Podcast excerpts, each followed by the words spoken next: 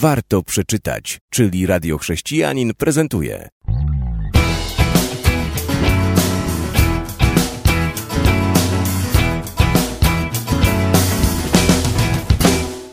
Witam serdecznie w kolejnej audycji.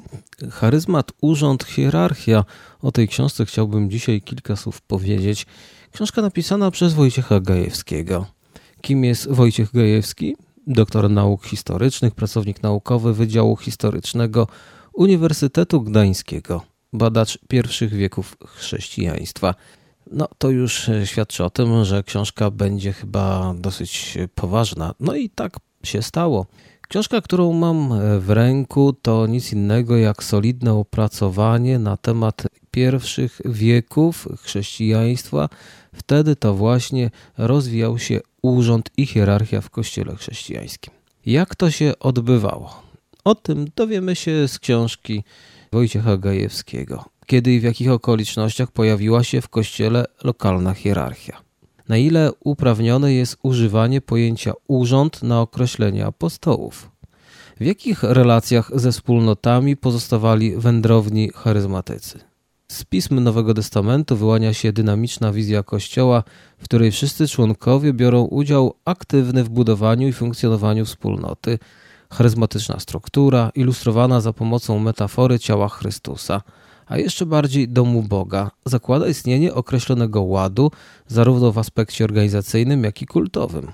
W dokumentach okresu apostolskiego i poapostolskiego występuje szereg terminów, takich jak apostoł, prorok, nauczyciel, zwierzchnik, starszy, pasterz, pomocnik ewangelista, episkop czy diakon, określający osoby stojące na czele lokalnych zgromadzeń i całego kościoła. A Wojciech Gajewski bada zależności występujące pomiędzy tymi pojęciami, przyglądając się transformacjom, jakie zachodziły w zakresie organizacji kościoła w I wieku. Książka dla, no nie ma też co ukrywać, wytrwałych badaczy, miłośników historii, miłośników również w jakiś sposób doktryny związanej z urzędem i hierarchią w kościele chrześcijańskim. Książka ma 270 stron, a rozdziały w niej to między innymi 12, czyli rola 12 w kościele, później apostołowie, świadkowie zmartwychwstania, to rozdział drugi, Trzeci charyzmatyczna triada, apostołowie, prorocy i nauczyciele. Rozdział czwarty instytucje organizujące metropolię jerozolimską. Rozdział piąty porządek w kościołach Pawłowych. Szósty Antiochia od kolegium do monoepiskopatu. I rozdział siódmy współistnienie tradycji. Co jeszcze mogę powiedzieć o książce? Wśród zagadnień związanych z organizacją współczesnego kościoła wciąż y, są pytania, czy biskup to jest nad jednym kościołem, czy nad kilkoma? Wiele pytań zadają sobie osoby, które studiują Pismo Święte. A jak z urzędem kapłaństwa się ma?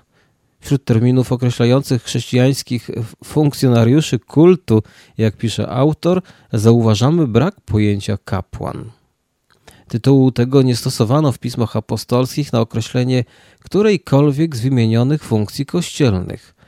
I może jeszcze jeden fragment ze strony 75. Kościół w swej najgłębszej istocie jest charyzmatyczny, stąd charyzmatycy odgrywają w nim od początku szczególną rolę.